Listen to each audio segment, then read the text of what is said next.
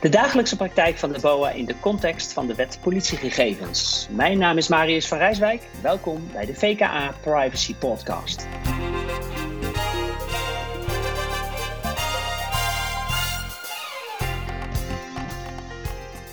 Deze uitzending die staat in het teken van de dagelijkse praktijk van de BOA en ik praat daarover met Suzanne Franke en Bert Dam. Goedemorgen, leuk dat jullie erbij zijn. Goedemorgen. Goedemorgen. Goedemorgen.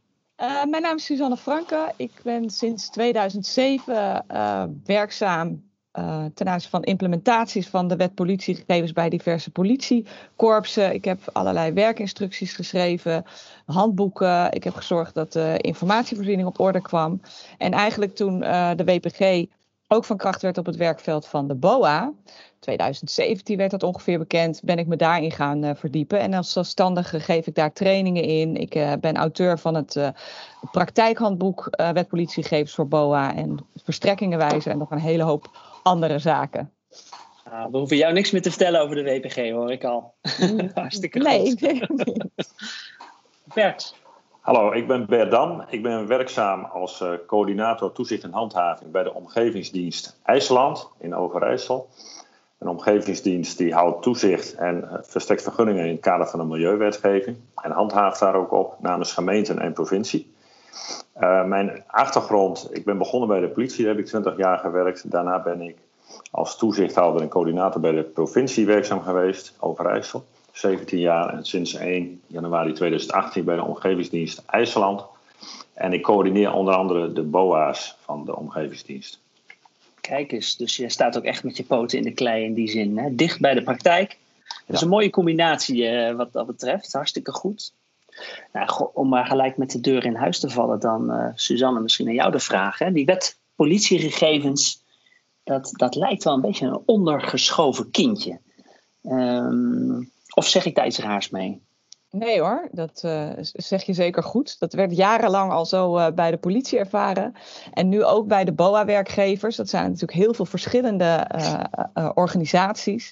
En ehm, ja, als ik op open inschrijving trainingen verzorg, dan zit er eigenlijk bij iedere privacyfunctionaris of FG of beleidsmedewerker zo'n belevenis van: oh jee, we hebben nog ontzettend veel te doen. We hebben dit uh, eigenlijk nooit in het vizier gehad. We hebben ons gericht op de AVG en eigenlijk nooit ons met de WPG bezig gehouden. Terwijl we wel, nou ja, de een heeft er tien, de ander heeft er vijftig. Sommige organisaties hebben er nog veel meer. Zoveel BOA's in dienst die dus onder die WPG uh, hun gegevens verwerken. Dus uh, dat is echt iets waar dat heel duidelijk naar voren komt. Audits zijn nog niet op orde. Dit jaar moeten de eerste, de eerste audit gedaan worden. Nou, er zijn eigenlijk maar een paar organisaties die daar echt mee bezig zijn. En veel houden dat nog een beetje buiten de deur van, oh ja. Dus uh, ja, dat zijn echt hele duidelijke uh, tekenen waaruit blijkt dat ze nog niet zoveel aandacht aan besteden. Ja, maar misschien ook door de enorme aandacht voor die AVG natuurlijk. Hè, toen die uh, geïntroduceerd werd. Hè, dat er alle focus daarop gericht was. En misschien ook wel in de hoop dan dat daarmee een stukje WPG ook, uh, ook wel op orde zou zijn. Hè? Die aanname doet, doet, men dan misschien. Maar alles wat die BOA doet, daar gelden natuurlijk gewoon andere regels voor, of niet? Dus wat, wat is het gevolg daarvan als ze dus nu uh, te weinig aandacht voor die WPG hebben? Uh, dat ze gewoon niet compliant zijn. Dat ze uh, ja, zich niet aan de wet houden. De, de, regels uit de WPG zijn veel specifieker dan in de AVG. Mm. Dus um, ja, je moet veel meer doen in je aanpassingen in je systemen, uh, werkinstructies. qua autoriseren. Er zijn veel meer regels die veel specifieker zijn. En wat ja. trouwens nog wel belangrijk is, is dat voor de politie en de KMAR en de Rijksrecherche is de WPG al eerder zeg maar aangepast. 2018. En voor de uh, BOA werd dat pas later duidelijk. Dus dat is ook een reden waarom ja, voor veel organisaties. Iets minder bekend is. Ja, ja, ja was gewoon ja. nog niet duidelijk. Ja. Bert, merk jij dat ook in de praktijk? Dat ook zeg maar, op het niveau van de BOA's die WPG uh, niet on top of mind uh, staat? Of, of zie je dat anders?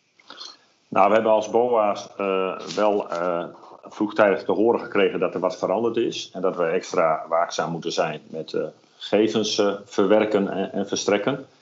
En uh, in, in die zin is het bewustzijn bij ons er wel. Maar we hebben wel een aantal jaren geleden zijn, is, is daar al mee gestart. onze systemen daar wel op aan moeten passen.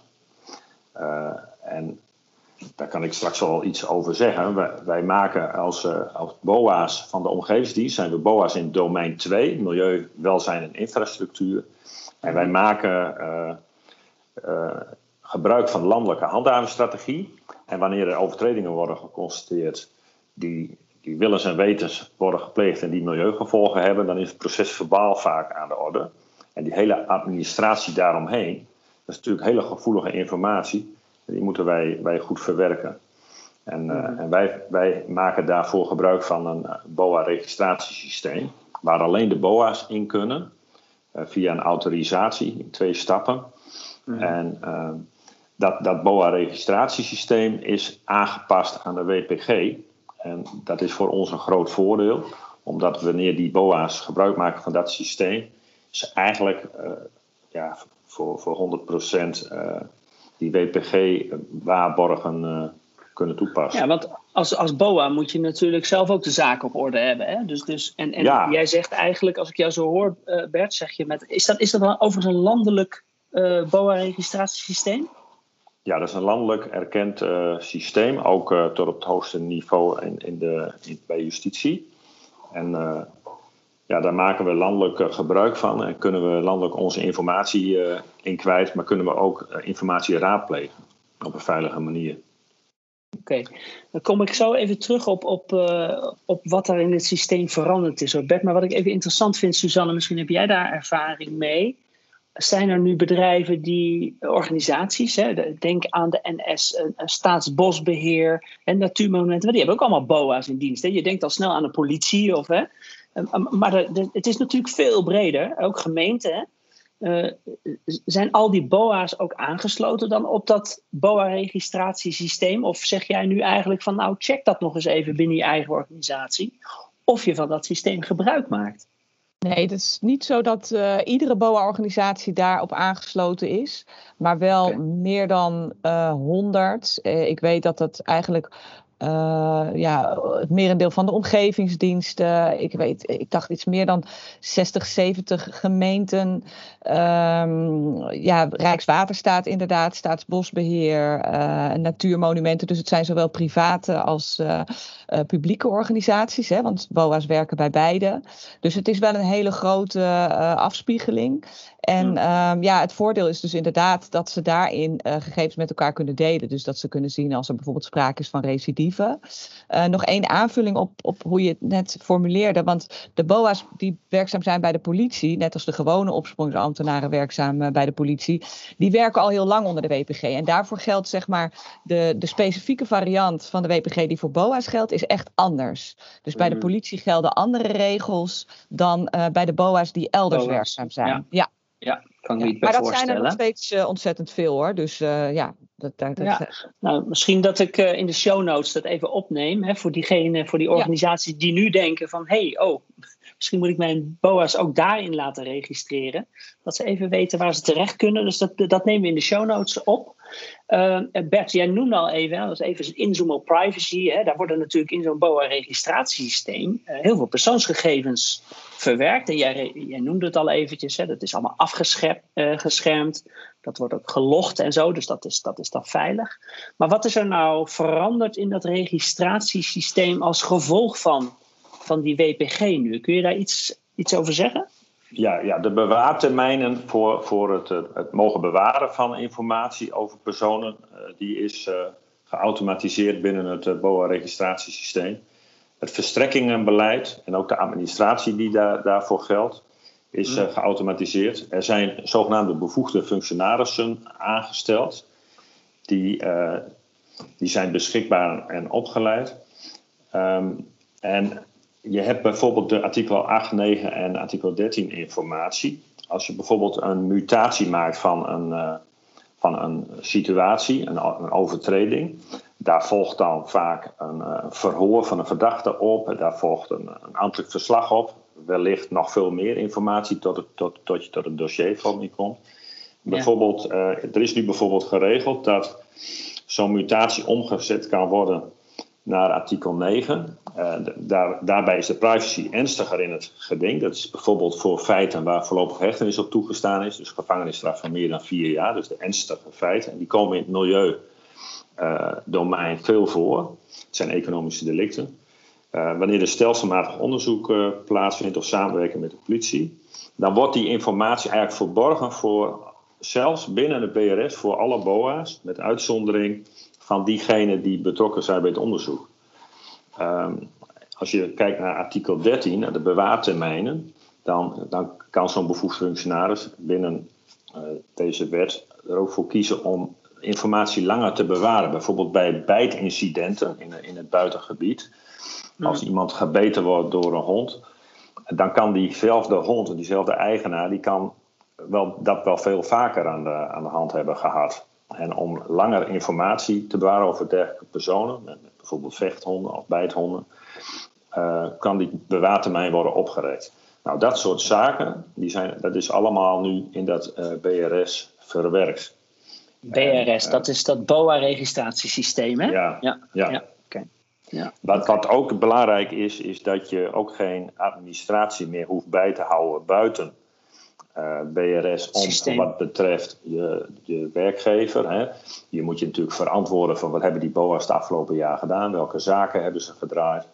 Nou, dat, dat soort geautomatiseerde overzichten van zaken, uh, bestuurlijke strafbeschikkingen, processen dossiers, mutaties, zelfs waarschuwingen, die, die worden allemaal gegenereerd uit dat BRS en geanonimiseerd in in overzichten voor de werkgever, zodat we daar zelf geen administratie voorbij hoeven houden. Ja, je krijgt dus ook geen hè, een hè, onnodige kopieën zeg maar, in de eigen administratie. Dus ook privacy technisch is dat natuurlijk. Uh, in termen van privacy by design hè, is daar mooi over nagedacht. Dat is hartstikke mooi.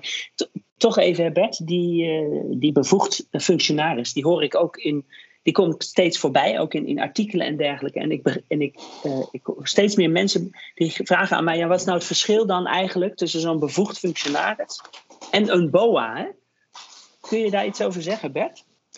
Ja, als ik als, als verbalisant, uh, bijvoorbeeld verbalisant degene die het proces verbaal uh, opmaakt, vindt dat nou, de bewaartermijn verlengd moet worden of dat informatie afgeschermd moet worden, dan zijn er een een dertigtal binnen BRS aangewezen bevoegde functionarissen die je kan benaderen via BRS. Van uh, kan ik dit, deze informatie zeg maar labelen op, op die artikelen. En dan kan de bevoegd functionaris in overleg gaan met de officier van justitie. En, dan wordt het bepaald wat er gebeurt. Dus dat zijn mensen die, die nog, nog iets beter in de materie zitten dan de gemiddelde BOA. En die daar dan ja, zeg maar een soort coördinerende rol in spelen. Ja, ja. Wil ik nog wel aanvullen als het. Uh, Ja, zeker. zeker. Uh, het zijn inderdaad vaak coördinatoren of projectleiders, mensen die inderdaad wat langer in het vak zitten en die eigenlijk als een soort van hoeder over die artikel 9 gegevens gaat. Dus die bevoegd functionaris treedt alleen op bij artikel 9. En uh, ja, daar is de inbreuk op de privacy wat groter. Dus het is eigenlijk een van de waarborgen om te zorgen dat er zorgvuldig met die gegevens omgegaan wordt. En wat Bert zegt, hè, ze hebben er dan 30 opgeleid uh, binnen BRS. Zo van laten we een begin maken. Want in principe heeft iedere uh, BOA-werkgever heeft de plicht om te zorgen dat er bevoegd functionarissen zijn. Maar daar zitten ook kleine terreinbeherende organisaties ergens in de achterhoek bij die drie BOA's in dienst hebben. Dus dan is het best wel een overkill. Dus um, we hebben gezegd, ja, kijk, kijk of je dat pragmatisch kunt oplossen door gewoon vanuit het systeem die mensen uh, op te leiden en aan te wijzen, zodat je ook een bevoegd functionaris die werkzaam is bij een andere uh, BOA-werkgever kunt vragen van, joh, ik heb hier volgens mij echt met een artikel 9 te maken. We hebben een baken geplaatst onder een, uh, een auto in verband met uh, Vossenmoord. Kun je, kun je voor mij bevoegd functionaris zijn? Dus zo is het een beetje ja, pragmatisch ingestoken eigenlijk. Oké, ja, mooi. Mooi. Dank voor de toelichting, uh, Suzanne. Uh, over dat, we hebben het er even over gehad, hè, over dat delen van informatie is voorbijgekomen. Uh, onder andere delen met de politie, de BOA recherche van gegevens. Um, voor zover ik begrijp, hè, dus die WPG die geeft ook die plicht om die gegevens te delen. Hoe kunnen gegevens gedeeld worden? Bijvoorbeeld een, een, een zwartrijder in de trein bij de NS, ik noem maar wat. Hoe, hoe gaat dat? Ja, nou ja, dat gebeurt dus in het, uh, in het BRS gebeurt dat geautomatiseerd. Uh, vroeger viel BRS onder de werking van de uh, Wet beschermd persoonsgegevens.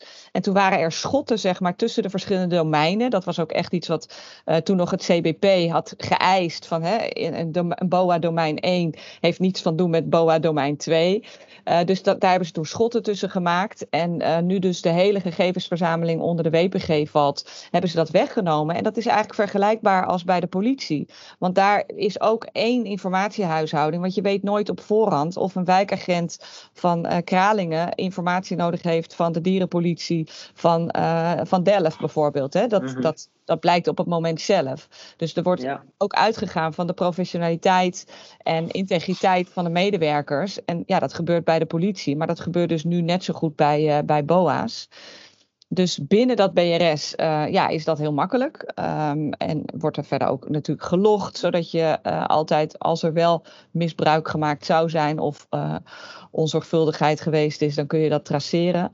en tussen dat, dat, dat tussen bijvoorbeeld politie en BOA-organisaties, dat is nog heel erg gevarieerd. Bij de een mm-hmm. hebben ze een uh, C2000-portofoon, de ander belt met het uh, Real-Time Intelligence Center van de politie. Bij de ander is er gewoon een, uh, een binnenloopfunctie, dus lopen ze gewoon het politiebureau in. Dus dat is nog heel erg verschillend geregeld. Ja, ja. Bert, um, dat verstrekken van gegevens, hoe ervaren de BOA's dat? Op dit moment? Dus weten zij wanneer ze wat mogen uh, delen met wie? Ja, dat, uh, dat weten ze. Uh, onderling tussen, tussen opsporingsambtenaren kan daar gewoon gedeeld worden. Sterker nog, moet er eigenlijk gedeeld worden hè, voor, de, voor, de, voor de goede zaak. Er moet ook geen angst zijn om, om te delen. We kunnen dat op een veilige manier doen. wij werken ook veel samen met de politie, met milieuagenten, maar ook met milieuregisseurs. Daar hebben wij speciale overleggen voor.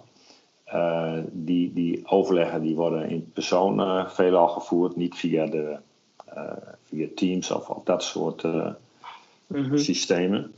En schriftelijk kan dat, dat ook gebeuren. Alleen wij hebben wel zeg maar, het beleid dat we zoveel mogelijk wat we schriftelijk hebben op de computer, dat dat na gebruik dan weer verwijderd wordt. tenzij we dat veilig in, in BRS kunnen opslaan. Ja. Ja. Dat zullen we dan vaak ook wel doen met een mutatie. Je moet BRS zien als een uh, soort trein. Het begint met een, uh, een, waarneming. Daar wordt een mutatie van gemaakt. Met dagdata, tijdstip, plaats van overtreding. En daar mm-hmm. kunnen allemaal wagonnetjes achter geplaatst worden in de vorm van uh, procesverbaal van bevindingen, procesverbaal van verhoor, fotobladen, uittreksel uit de Kamer van Koophandel. Ja, noem maar alles maar op. Oké, okay, okay, ja, mooi. Mm-hmm. Zeg maar, Suzanne? Nou, ik, ik, denk dat Bert daarmee wilde aangeven dat je dus per casus uh, kunt kijken wat je uh, wil verstrekken. Dus wat er nodig is om te verstrekken. Dus je moet altijd de noodzakelijkheid en de proportionaliteitsafweging maken. Of het nou naar buiten het WPG-domein gaat of er binnen blijft. Hè. Dus ja, van mhm. dat treintje met al die wagonnetjes kun je dus die elementen eruit halen die voor dat doel dan uh, noodzakelijk zijn. Ja, ja, precies. Nou ja, als ik het zo hoor, dan is dat, dat BRS, hè, dat, dat BOA-registratie registratiesysteem is wel het hart voor uh, enerzijds het, het, het goed delen, het, het functioneel, het, het doelmatig, effectief uh, uh, opsporen. Ehm, en daarmee ook de burger beschermen. En aan de andere kant ook privacy technisch maakt dat dat goed beschermd is. En, en het helpt je ook nog eens de WPG na te leven. Um, ja, het is, het is een, een mooi systeem in die zin dat je, je hebt, het werd net al even genoemd, je hebt bijvoorbeeld ook uh, jachtopzieners, uh, wildbeheereenheden. Dat zijn vaak mensen die vanuit huis werken. Nou, je wilt mhm. natuurlijk thuis, als, je, als die iemand in het veld hebben bekeurd, dan uh, kunnen zij meteen in BRS een mutatie maken. Ze kunnen zelfs in de formulierenfunctie een bestuurlijke strafbeschikking, dat is eigenlijk een bon, aanmaken. En die sturen ze dan naar de coördinator via BRS. Er wordt een SIP-bestand gemaakt en dat zipbestand dat gaat naar het CEIB, die verder de afhandeling doet. Uh, daarmee heb je dus in, die in het besloten, gesloten systeem werkt dan die BOA vanuit huis zonder dat er ook maar uh, een letter. Iets naar buiten komt. Iets, ja. iets naar buiten komt. BRS is ook uh, ja. aangepast dat het via de telefoon kan. je kunt via de telefoon zo'n bonnetje invullen en dan meteen doorsturen en het SIP-bestandje weer verwijderen zodat je voldoet aan die, aan die regelgeving. Oké, mooi, mooi. Nou, ik neem aan, hè, Suzanne, ik zal hem ook in de show notes opnemen, dat met name jouw praktijkhandboek BPG voor BOA's uh, ook wat meer duidelijkheid geeft ehm, over, over het delen, onder andere, hè, maar natuurlijk veel meer, hè, maar ook over dat delen. Uh, dus dat is misschien wel handig ook voor, voor de BOA's om daar gewoon eens doorheen te, te gaan. Uh, als, Suzanne, zou je, als je nog een laatste tip zou willen geven aan, aan die BOA in de dagelijkse praktijk, eh, wat zou dat dan, uh, welke tip zou je dan willen meegeven? Uh, ja, lastig.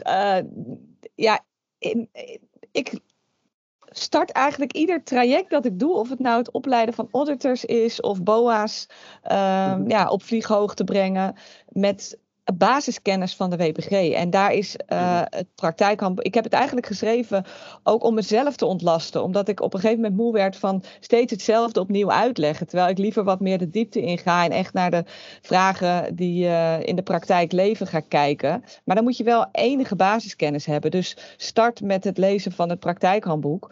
En vanuit daar, weet je, er zijn zo ontzettend veel handige hulpmiddelen beschikbaar. Zoals de verstrekkingenwijze is een ideaal middel als je wil weten van wat mag ik nou verstrekken? Dan hoef je niet de hele uh, eh, WPG en het besluit politiegegevens en het besluit voor de BOA's, dat hoef je niet allemaal zelf uit te pluizen. Het is allemaal al gedaan. Maar je moet wel ja, weten waar het over gaat. En da daarvoor moet je enige basiskennis hebben van, uh, van de WPG. En dat, dat, dat boek heb je in een uur, heb je uh, zeg maar het gedeelte zonder de bijlagen heb je doorgelezen.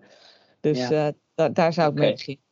Ja. Nou, dat is een goede tip. We zullen die verstrekkingwijzer ook in de show notes uh, opnemen. Bert, van jou de laatste tip voor de BOA? Ja, wees, wees vooral niet uh, bang om, uh, om gegevens met elkaar uit te wisselen. Dat is ook de kracht van de samenwerking voor de goede zaak. En, en maak gebruik inderdaad van, die, van het boek van, van Suzanne, wat heel duidelijk is, ook met de verstrekkingenwijzer. En ja, en, probeer zo goed mogelijk die informatie uh, te delen. En daarmee uh, ja, conform de wetgeving te handelen. Nou, dat zijn mooie, mooie concrete tips. Uh, nou, dan is dit al, alweer het einde. Die 20 minuten gaat ontzettend snel elke keer. En mensen, dit is het einde alweer van de podcast. In de show notes vind je, vindt u meer informatie over de WPG en de BOA. Uh, vragen en opmerkingen zijn natuurlijk altijd welkom. En dat kan via privacy.vka.nl. En mocht je nou geïnteresseerd zijn, laat het ons dan weten. Deze podcast kunt u ook vinden op iTunes, Spotify en Soundcloud. Nou, tot de volgende uitzending.